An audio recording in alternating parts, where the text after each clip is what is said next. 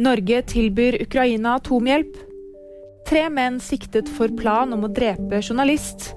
Og Lea Isadora Behn vant Vixen-pris. Norge tilbyr å lede arbeid med atomsikkerhet i Ukrainas fredsplan. Det skriver utenriksminister Anniken Huitfeldt i en e-post til VG.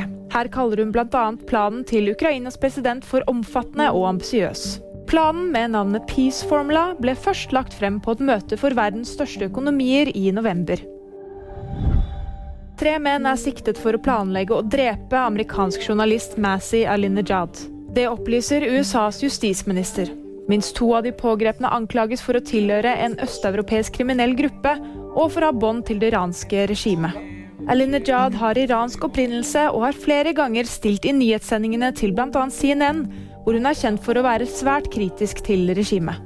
Og det jeg har å si til hvem som helst som har lyst til å gjøre det de vil, bare å sorry mamma, å gi faen i hva noen har å si.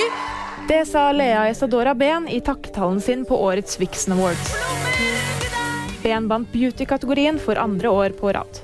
Av VG Nyheter fikk du av meg, Fride Rivø Lie.